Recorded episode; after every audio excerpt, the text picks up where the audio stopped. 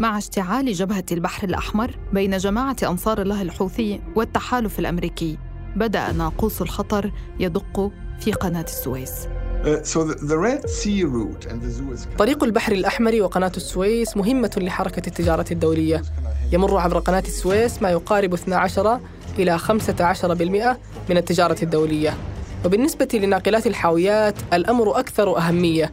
فإن 20% من حاويات العالم تمر عبر قناة السويس أزمة جديدة تضاف إلى أزمات الاقتصاد المصري الذي يعتمد بشكل كبير على إيرادات القناة فما تداعيات صراع البحر الأحمر على مصر؟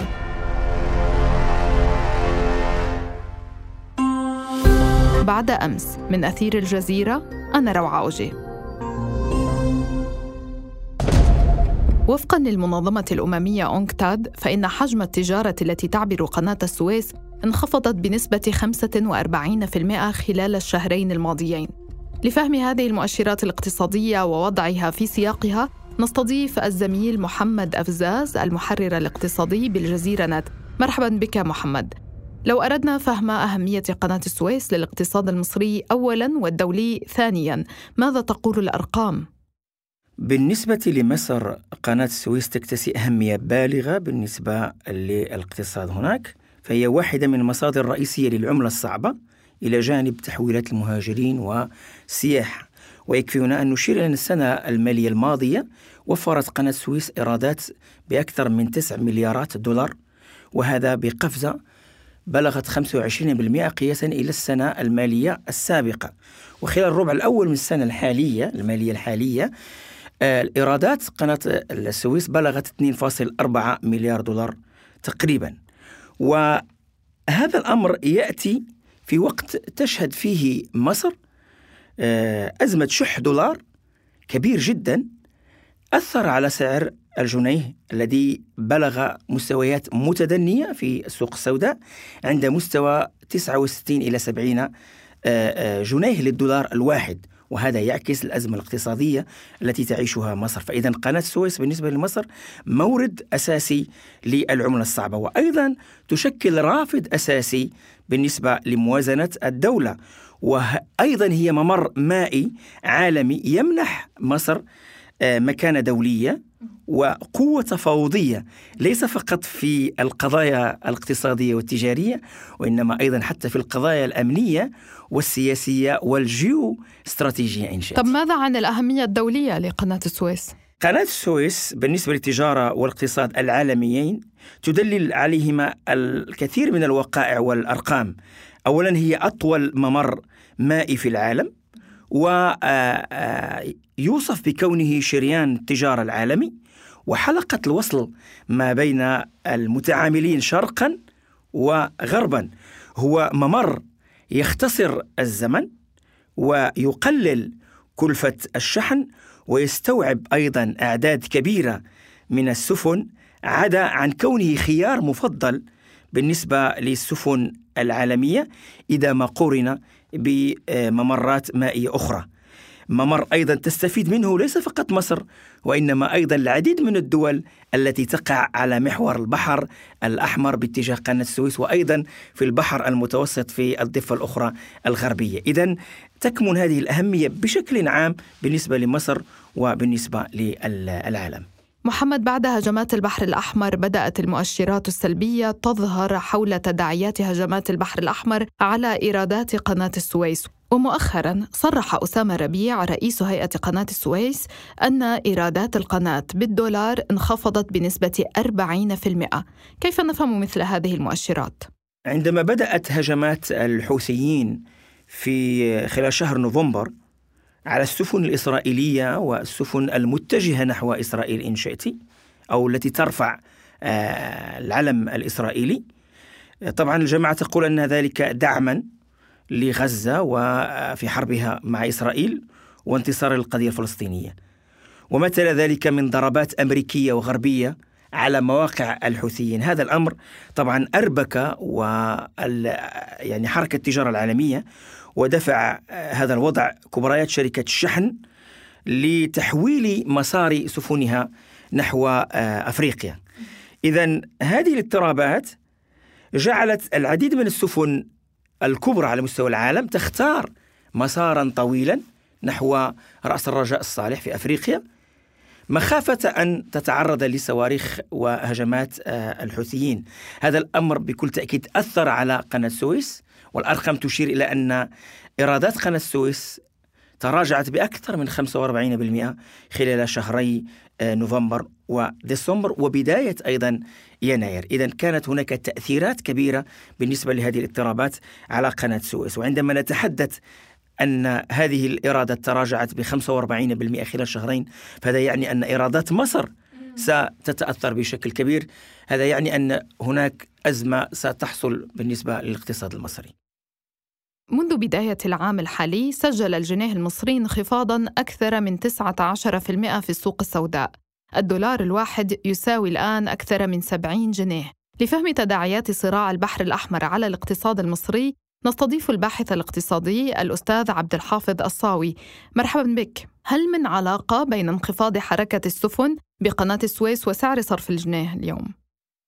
آه، طبعا مصر بتعاني من أزمة في سعر الصرف منذ عدة آه، سنوات ولكن آه، أتت مشكلة قناة السويس وتراجع العائدات منها نتيجة ما يحدث في البحر الأحمر لتمثل عامل مهم في أزمة سعر الصرف.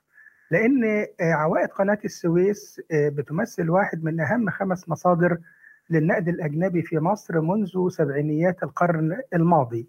وحسب الأرقام المعلنة من قبل إدارة قناة السويس ومن بعض الوكالات الأجنبية فإنه منذ 19 نوفمبر 23 وحتى نهاية 23 وأوائل 24 في يناير تراجعت إيرادات قناة السويس بنحو 40% ولا شك أن مثل هذه الأخبار شديدة الحساسية في سوق سعر الصرف تؤثر على سعر الصرف تؤثر على البورصة تؤثر على تصرفات أصحاب المدخرات من العملات الصعبة وبخاصة حينما يقرؤون أن سعر صرف الجنيه في المعاملات الآجلة أو في الأسواق الدولية بيتراجع أمام الدولار بشكل كبير جدا. فتأتي الأخبار المتعلقة بتراجع الإيرادات في قناة السويس لتؤثر سلبا على سوق سعر الصرف بالنسبة للجنيه المصري وبخاصة أن ما يتعلق بالسياسات الاقتصادية بشكل عام فيه نوع من الضبابية بالنسبة للمواطن المصري فهو لا يحصل على المعلومات الكافية أو الشفافية فيما يمكنه من اتخاذ قرار في الاحتفاظ بالدولار أو سعر صرفه في المؤسسات الرسمية وهو يفضل السوق السوداء لوجود فرق كبير جدا على الرغم من أنه قد يتعرض لمشاكل أمنية لأن القانون يجرم التصرف في النقد الأجنبي خارج السوق الرسمي. أبعد من الجنيه ماذا عن التضخم؟ قبل أحداث البحر الأحمر يعيش الاقتصاد المصري وضعية صعبة ومتأزمة قال تقرير للبنك الأوروبي للإعمار والتنمية إن نسبة النمو تراجعت في مصر إلى 4.1% مؤكدا أن الطريق إلى خفض التضخم شاقة وطويلة في إشارة إلى مخاطر اقتصادية متفاقمة وشكوك في قدرة القاهرة على سداد ديونها. ارتفاع كبير في التضخم وأسعار السلع أثر بشكل مباشر على حياة المواطنين. أستاذ عبد الحافظ الصاوي إلى أي مدى تؤثر الأوضاع في البحر الأحمر على أزمة التضخم بشكل عام في مصر؟ هو طبعا التضخم ليه مصدرين مصدر من جانب العرض ومصدر من جانب الطلب. فلما بنبص في مصر باعتبارها بتعتمد على جزء كبير جدا في الإنتاج من واردات مستلزمات الإنتاج والعدد والآلات اللي بيمثل حوالي 60% فعلشان كده لابد من تدبير النقد الأجنبي. فالمنتج بيضطر يشتري النقد الأجنبي من السوق السوداء ولن يدفع هذا الفارق من جيبه ولكنه بيحمله على المستهلك في النهاية. فبنجد ان نظرا لارتفاع تكاليف مستلزمات الإنتاج بالنسبة لإنتاج السلع والخدمات. التضخم بيزيد من جانب العرض بالنسبة لجانب الطلب المتعلق بعملية طباعة النقود من قبل الحكومة المصرية التي لم تتوقف على مدار أكثر من عشر سنوات بشكل واضح من بيانات البنك المركزي المصري.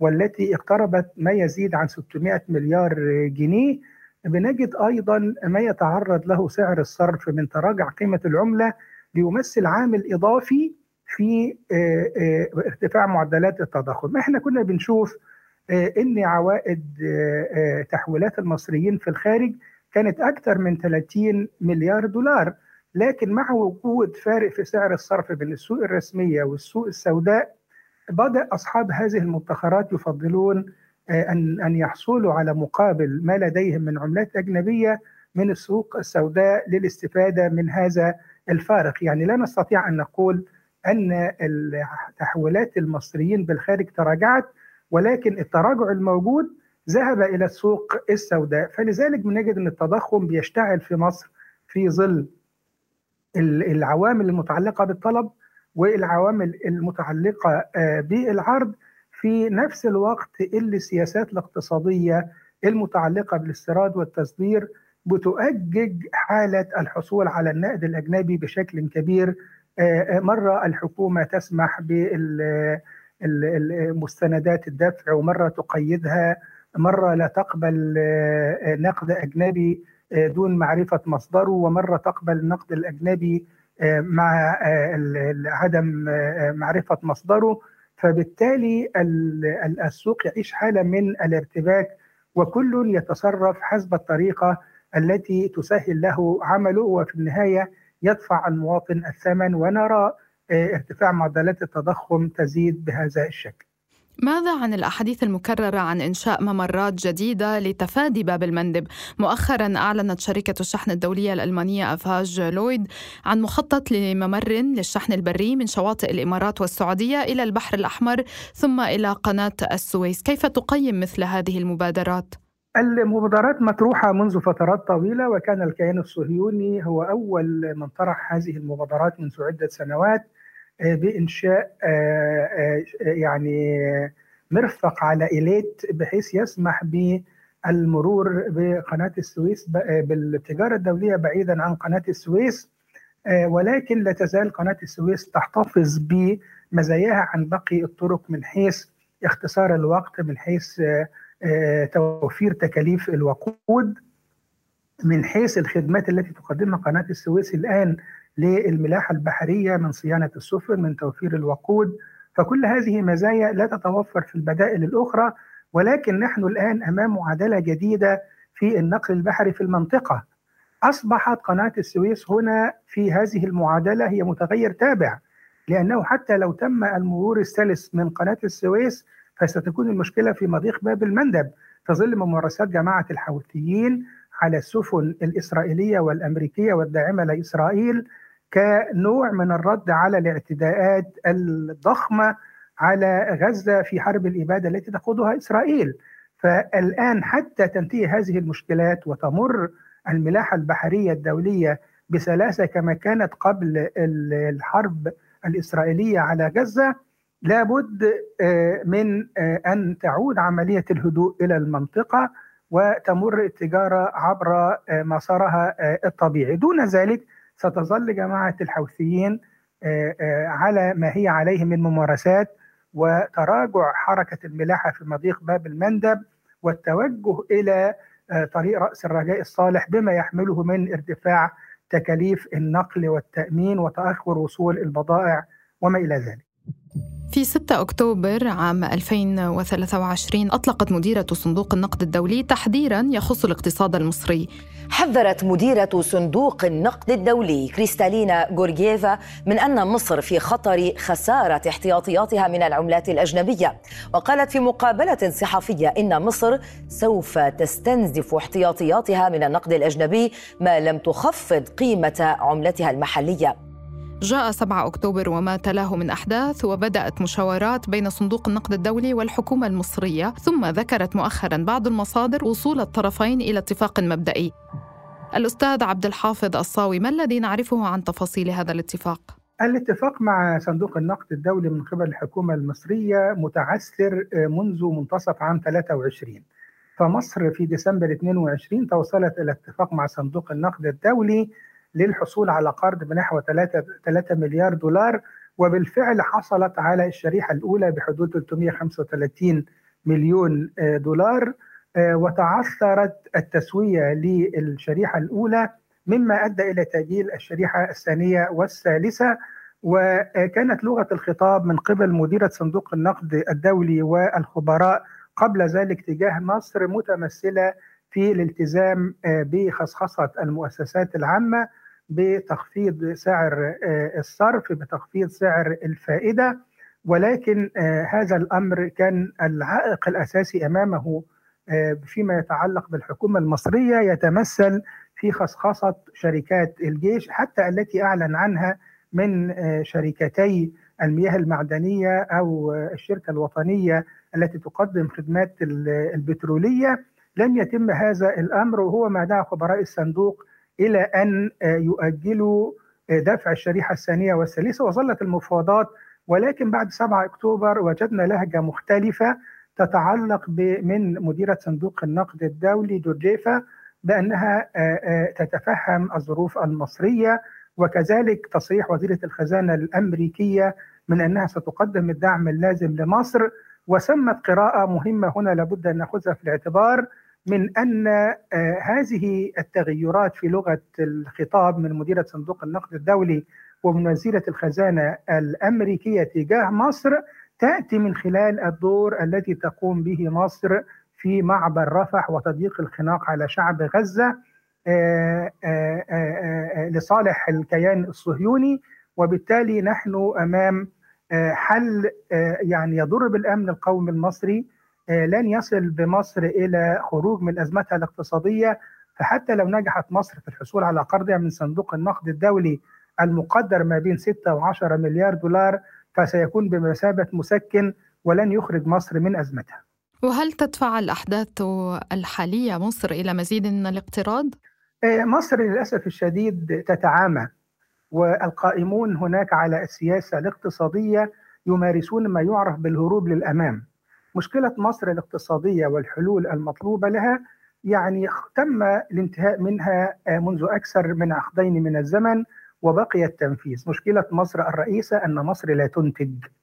أما إذا ظلت مصر تعتمد على ال ال ال ال الإيرادات الريعية من النفط ومن السياحة ومن تحويلات العاملين في الخارج أو من قناة السويس فستظل في حاجة إلى مزيد من القروض وهي تقوم الآن بعملية تدوير للقروض تحصل على قروض جديدة لتسدد القروض القديمة فبالتالي لن يكون هناك حل إلا إذا مصر اتجهت إلى الإنتاج وبناء قاعدة قوية في قطاع الزراعة وقطاع الصناعة وقطاع التكنولوجيا. أما ما يتم في مسألة البهرجة التي تتعلق ببعض البنية الأساسية من كباري وأنفاق وابراج ومساجد وكنائس فلن تغني مصر شيء. مصر يعني يعني تستورد أكثر أو نحو 60% من احتياجاتها من الغذاء. وإحنا شفنا الفرق بين مصر وروسيا التي تخوض حرب منذ نهاية فبراير 22 روسيا لأنها دولة منتجة للحبوب ودولة منتجة للأسمدة ودولة منتجة للغاز والنفط. استطاعت أن تواجه أمريكا وأوروبا لمواجهة كثير من التحديات بشكل كبير. بينما مصر كلما ألمت بها أزمة على المحيط الإقليمي الدولي تعيش أزمات تؤثر على المواطن بشكل مباشر وتشل من حركة الحكومة التي لا تمتلك رؤية أو استراتيجية للتنمية في مصر. تعاني مصر من أزمة اقتصادية تزيد من صعوبة الحياة مع غلاء لا يتوقف لسلع الناس الأساسية فإلى أين يتجه الاقتصاد المصري مع اشتعال الصراع في البحر الأحمر والحرب في غزة على حدوده؟ بعد أمس من أثير الجزيرة تابعونا عبر كافة منصات البودكاست وأرسلوا لنا أسئلتكم ومقترحاتكم في التعليقات وعبر حسابات أثير على مواقع التواصل الاجتماعي. دمتم بخير ونلتقي بعد أمس.